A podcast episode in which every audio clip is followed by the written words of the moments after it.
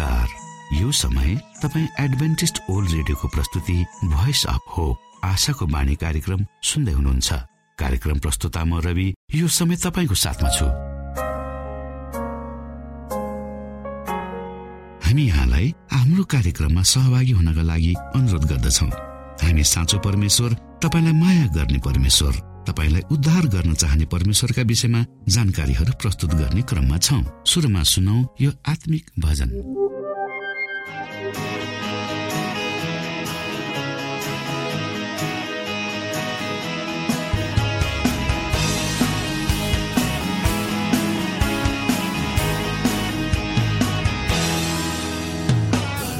प्रभु मेरो ज्योति र मेरो उदार म किन डराउने?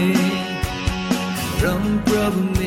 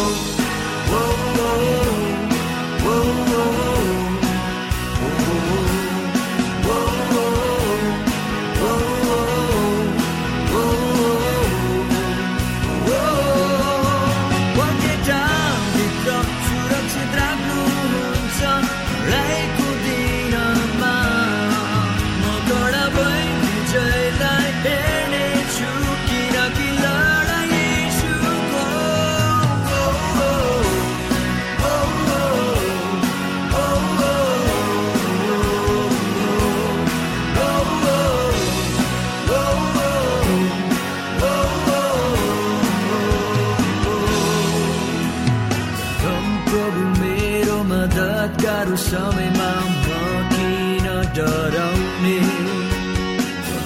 प्रभु मेरो मद्दतगारो समयमा म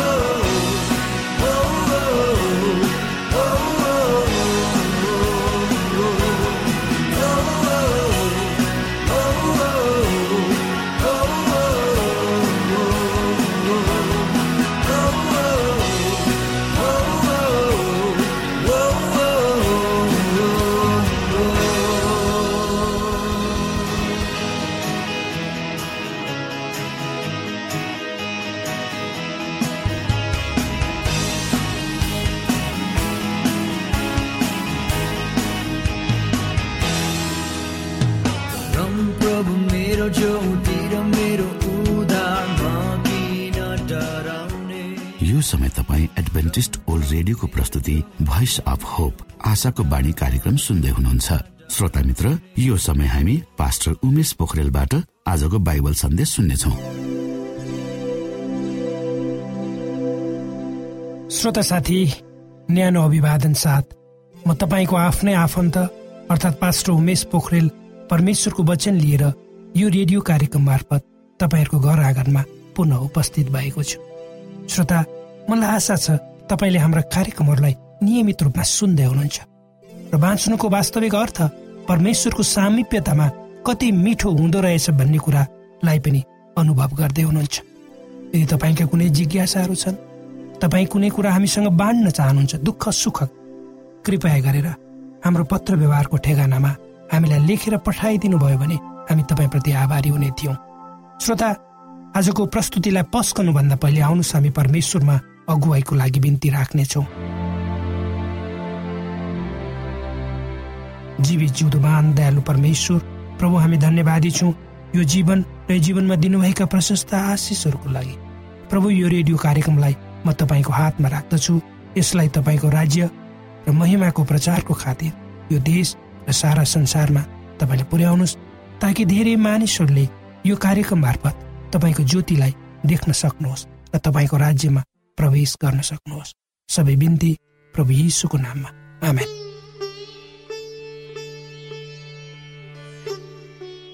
श्रोता साथी हामी सबै भोलिको निम्ति आशावादी छौँ। आजभन्दा भोलि अवश्य राम्रो हुन्छ भन्ने आशाका कारण हामी मानव जातिहरू जिउँदछौँ जिइरहेका छौँ। आजको दुःख आजको निम्ति मात्र हो तर भोलि त्यही अवस्था र परिस्थिति हाम्रो लागि नहुन सक्छ।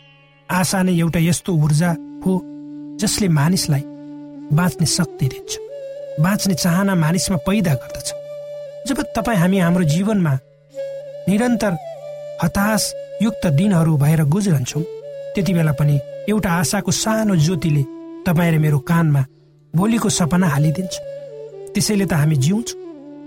राजनीतिक सामाजिक क्षेत्रमा काम गर्ने अगुवाहरूले भन्छ हाम्रो अवस्था सुध्रिँदै गएको छ वा राम्रो हुँदै गएको छ। हिजोभन्दा आज र भोलि झन् राम्रो हुनेछ। हो हिजोभन्दा आज हाम्रो जीवनमा कयौँ क्षेत्रहरूमा सकारात्मक परिवर्तनहरू नभएका भने होइनन् जब म सानो थिएँ गाउँमा अभावमा हुर्किएको एउटा केटा मैले स्कुल जाँदा कहिले पनि झोला मसँग थिएन। झोला मैले बोकिनँ। पकेट खर्च मैले सहरमा आएपछि मात्र थाहा पाएँ। अहिले मेरो सानो छोरा जो साढे दुई वर्षको छ उसलाई पकेट खर्च भनेको के हो थाहा छ? स्कुल जाँदा झोलामा पुस्तक कापी राखेर जानुपर्छ भन्ने कुरा उसले मैले नसिकाए पनि मेरो जेठो छोरा अर्थात् उसको दाजुलाई हेरेर सिकेको छ। स्कुल नगए तापनि ऊ स्कुल जाने कुरा गर्छ। स्कुल जाँदा के के कुराहरू चाहिन्छ उसलाई थाहा छ। तर जब म सानो थिएँ मलाई थाहा थिएन। हो हिजोभन्दा आज परिवर्तन भएको छ। त्यसैले आज हाम्रो अगाडि खानको लागि प्रशस्त अन्नहरू छ। प्राकृतिक स्रोतबाट उत्पादित बिजुली बत्तीहरू छन्। देश विकसित भएका छन् र हाम्रो आर्थिक अवस्था पनि हिजोको भन्दा माथि उक्लेको छ। मानिसहरू विज्ञान र प्रविधिका सहाराबाट आफूलाई चाहिने सबै कुरा प्राप्त गर्न सक्छन् र सकिरहेका छन्। आफ्नो हित र सुविधाको लागि मानिसहरू आशावादी भएर नयाँ नयाँ खोज र अनुसन्धान गरिरहेका छन्। त्यसै कारण आजको यो संसार सकारात्मक सोच र विकासका कारण कदमहरूद्वारा डोहोऱ्याइएको छ। यो सबै कुरा मानिसको प्रयास र प्रयत्नले मात्र सम्भव भएको। किनकि मानिस शान्ति र आनन्दमा आफ्नो जीवन बिताउन चाहन्छ। कोही पनि मानिस आफ्नो जीवनलाई व्यर्थमा व्यतीत गर्न चाहन्न। जहाँ उसले खोजेका कुराहरू प्राप्त हुँदै संयुक्त राज्य अमेरिका जसलाई संसारको सबभन्दा शक्तिशाली देश भनिन्छ संसारका सबै किसिमका दृष्टिकोणबाट हेर्दा सांसारिक सबै दृष्टिकोण सांसारिक सबै किसिमका दृष्टिकोणहरूबाट हेर्दा यो देश समुन्नत देश जहाँ संसारका सबै मानिसहरू हटाउन सक्छन्। आर्थिक समृद्ध सामाजिक रूपमा सम्मान कानुनको देश र मानिसलाई बाँच्ने उपयुक्त वातावरण भएको कारणले नै आज यो संसारका धेरै मानिसहरूको गन्तव्य भएको छ वा अमेरिका धेरै मानिसहरूको सपना भएको छ। हाम्रो देशमा हेरौँ आजका युवा पुस्ताहरू जो कोही पनि अमेरिका जान चाहे पढ्न वा काम गर्न वा चिट्ठाद्वारा लालयित हुन्छन् र प्रयास र प्रयत्न पनि गरिरहेका छन् र गइरहेका छन्। एक समय संयुक्त राज्य अमेरिका शान्तिको देश थियो अहिले पनि छ। मानिसहरू चिन्ता र फिक्रीद्वारा त्यहाँ मानिसहरू चिन्ता फिक्री बिना त्यहाँ जिउँथे। तबसम्म जब सेप्टेम्बर इलेभेन दुई हजार एकको ठुलो विनाशलाई त्यहाँका मानिसहरूले झेल्नु परेको थिए वा भोग्नु परेको थिए तिनवटा प्लेनहरू त्यहाँका तिनवटा ठुल्ठुला भवनका वरिपरि उड्नाले अमेरिकाको वास्तविकतालाई सदाको लागि परिवर्तित गरिदियो। कसैले कहिले पनि सोचेका थिएनन् एक दिन अमेरिकामाथि त्यस्तो हमला हुनेछ जसले अमेरिकालाई परिवर्तन गरिदिनेछ। अचानक ठुलो डर र त्रास मानिसहरूमा उत्पन्न भयो। त्यसपछि र सेप्टेम्बर इलेभेन पछि एकहत्तर प्रतिशत अमेरिकीहरूमा हताश र निराश हुने समस्या देख्यो। भने करिब आधा अमेरिकनहरू आफ्नो काममा एकाग्र हुन नसक्ने भए।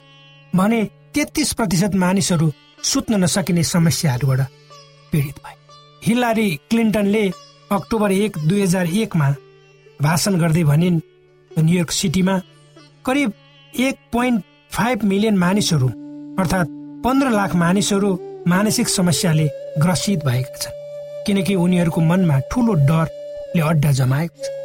भोलि के हुने भने हो हामी जहाँसुकै बसेका मानिसहरू किन नहौ चाहे अमेरिका वा भारत नेपाल यो पिँढीमा बाँचेका सबै किसिमका मानिसहरूमा अव्यक्त त्रास र डर छ। त्यही डर र भयद्वारा हामीहरू आफ्नो जीवनलाई अगाडि बढाउँदैछौँ। आज हामी ज जसले परमेश्वरलाई विश्वास गर्दछौँ हरूले डर र भयमा बाँच्नु पर्दै किनकि परमेश्वर हाम्रो साथमा हुनुहुन्छ। उहाँले हामीलाई सबै किसिमका डर भए चिन्ता र समस्याहरूबाट संरक्षण गर्ने प्रतिज्ञा गर्नुभएको छ। त्यसकारण हामीले डरमा वा भयमा वा हताश निराश अवस्थामा आफूलाई राख्नु पर्दैन। यसको उपाय सहज छ। पवित्र धर्मशास्त्र बाइबलको हितोपदेश भन्ने पुस्तकको तेइस अध्यायको सत्र र अठार पदहरूमा हेऱ्यौँ भने परमेश्वर के भन्नुहुन्छ त? तेरो हृदयलाई पापीहरूको डाहान गर्न नदे तर परमप्रभुका भएको निम्ति उत्सुक भइरह। निश्चय नै भविष्यमा तेरो निम्ति आशा छ र तेरो आशा व्यर्थै जाने छैन। हो श्रोत साथी निश्चय नै हाम्रो भविष्य उज्जवल छ अथवा हाम्रो अगाडि आशायुक्त भविष्य खडा छ उक्त भविष्य परमेश्वरसँग छ किनकि परमेश्वर त्यहाँ हुनुहुन्छ र हामी उहाँमाथि विश्वास गर्न सक्दछौँ। परमेश्वरको वचनले तपाईँ हामीलाई जीवनको उपयुक्त बाटोमा हिँड्ने प्रेरणा दिन्छ र परमेश्वरको योजना अनन्तसम्मको लागि हुन्छ। हामीलाई थाहा छ कि यो संसारको आफ्नै योजना वा दृष्टिकोण छ र संसारको स्तर र दृष्टिकोणले मानिसलाई क्षणिक र वा अगाडिको कुराको निम्ति मात्र सोच्न बाध्य बनाउँछ। उक्त कुरा स्वार्थले भरिएको हुन्छ। तर परमेश्वरको बाटो भनेको अनन्तको स्वार्थ विपरीत वा स्वार्थ रहित बाटो हुन्छ।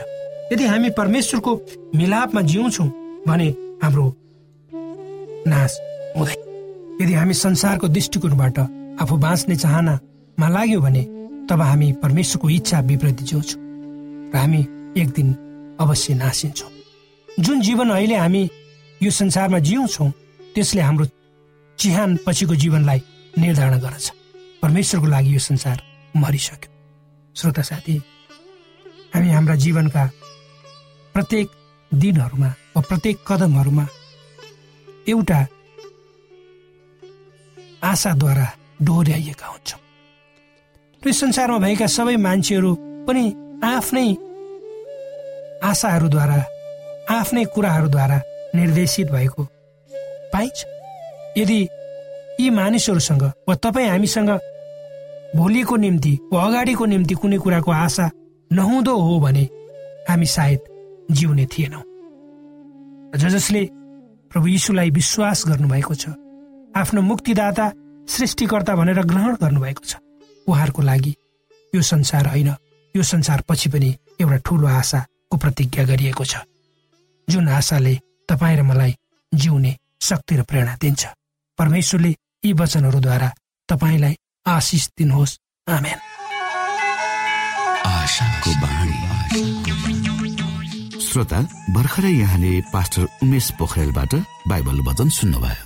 यो समय तपाईँ एडभेन्टिस्ट ओल्ड रेडियोको प्रस्तुति भोइस अफ होप आशाको बाणी कार्यक्रम सुन्दै हुनुहुन्छ। कार्यक्रम सुनेर बस्नुहुने सबै श्रोतालाई हामी हाम्रो कार्यक्रममा स्वागत गर्न चाहन्छौ। श्रोता मित्र यदि तपाईँ जीवनदेखि हरेस खानु भएको छ तपाईँका जीवनमा धेरै अनुत्तरित प्रश्नहरू छन् भने आउनुहोस् हामी तपाईँलाई परमेश्वरको ज्योतिमा डोहोर्याउन चाहन्छौँ। र तपाईँ आफ्नो जीवनका चिन्ता फिक्रीबाट निश्चिन्त हुनुहोस् र बाँच्नुको आनन्द परमेश्वरको सामिप्यमा कति मिठो हुन्छ त्यो चाख्नुहोस् भनी हामी चाहन्छौँ। श्रोता यदि तपाईँ आशाको बाणी कार्यक्रमलाई अनलाइन सुन्न चाहनुहुन्छ वा डाउनलोड गर्न चाहनुहुन्छ भने डब्लु डट एडब्लुआर डट ओआरजीमा जानुहोस्। त्यहाँ तपाईँले प्रत्येक दिनको कार्यक्रम सुन्न र डाउनलोड गर्न सक्नुहुनेछ। हाम्रो वेब पेज यस प्रकार छ W W W dot AWR dot ORG श्रोता यदि तपाईँ हामीसित सिधै फोनमा सम्पर्क गर्न चाहनुहुन्छ भने हाम्रा नम्बरहरू यस प्रकार छन्। अन्ठानब्बे एकसाठी पचपन्न शून्य एक सय बिस. अन्ठानब्बे एकसाठी पचपन्न शून्य एक सय बिस. र अर्को अन्ठानब्बे अठार त्रिपन्न पन्चानब्बे पचपन्न. अन्ठानब्बे अठार त्रिपन्न पन्चानब्बे पचपन्न.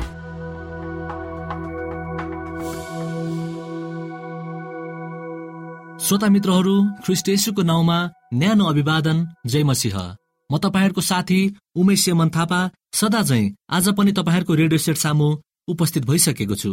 श्रोता मित्रहरू आज तपाईँहरूको माझमा के कारणले असमयमा कपाल फुल्दछ? यसको विषयमा केही जानकारी लिएर उपस्थित भएको छु।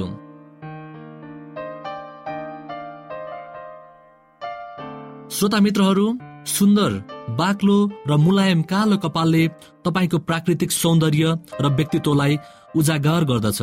यसका साथै कपालले तपाईँको आत्मविश्वासलाई पनि बढाउँदछ। हामी जवानीमा पनि बुढापा महसुस गर्दैनौ तर अचल प्राय के देखिन्छ भने उमेर नै नपुगी कमै उमेरका युवाहरूको कपाल फुलिरहेको छ या कपाल झर्ने समस्या अथवा तालो हुनुको शिकार भइरहेका छन्। असमयमा कपाल फुल्नु र झर्नुको प्रमुख कारण के हो त? आज यसै सन्दर्भमा हामी चर्चा गर्नेछौ। चिकित्सकीय भाषामा असमयमा कपाल फुल्नुलाई प्रिमेच्योर ग्रेकङ अफ हियर भनिन्छ। त्यसै गरी कपाल झर्ने समस्यालाई सामान्य रूपमा एलो पसिया भन्ने गरिन्छ।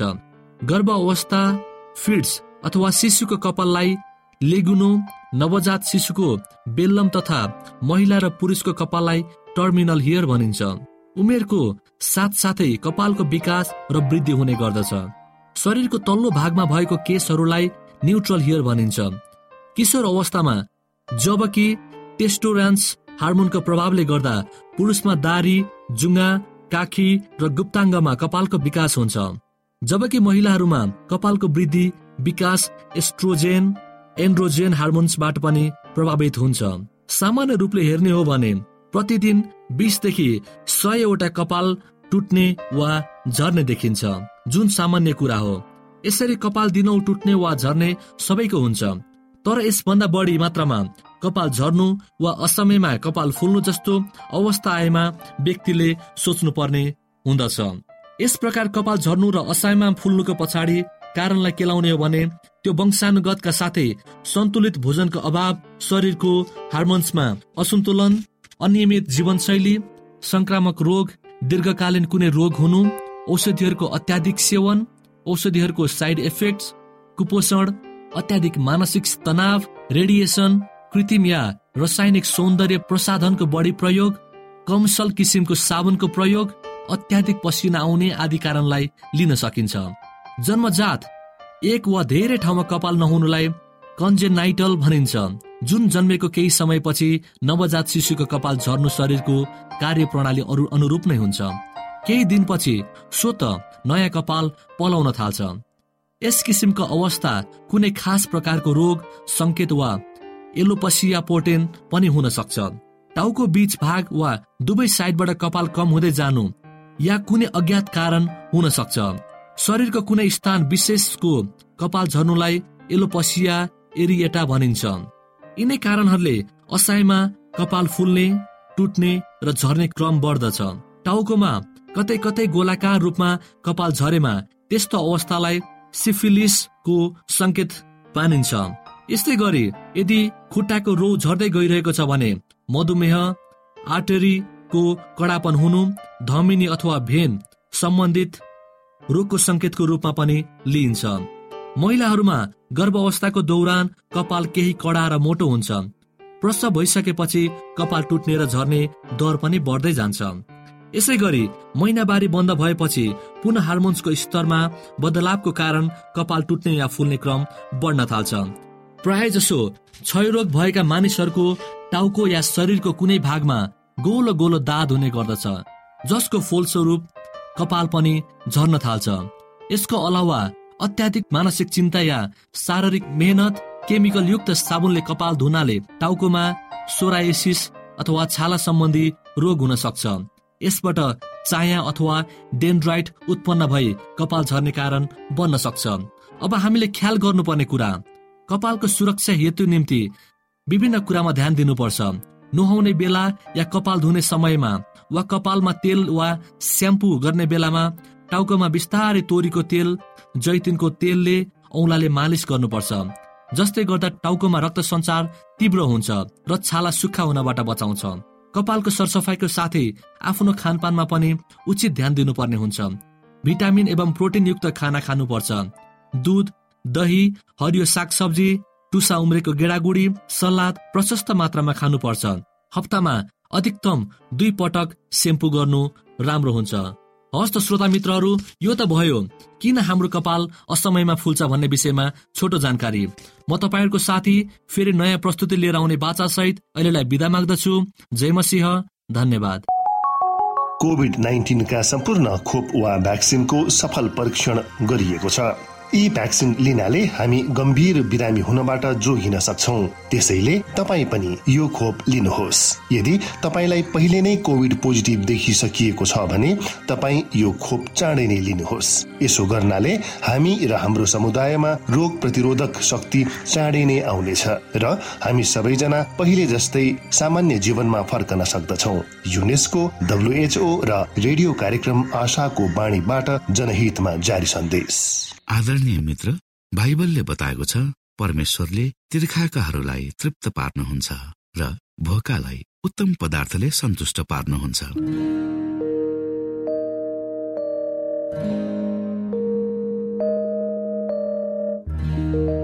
हामीलाई दिइएको यो छोटो समय आशाको बाणीको प्रस्तुतिको समयमा हामीले हाम्रा श्रोताको आत्मिक भोकलाई केही मात्रामा भए तापनि सही प्रकारको खोराक पस्केर आत्मिक सन्तुष्टि दिन सकेका छौँ केही ऊर्जा थप्न सकेका छौँ भनेर हामीले आशा राखेका छौँ।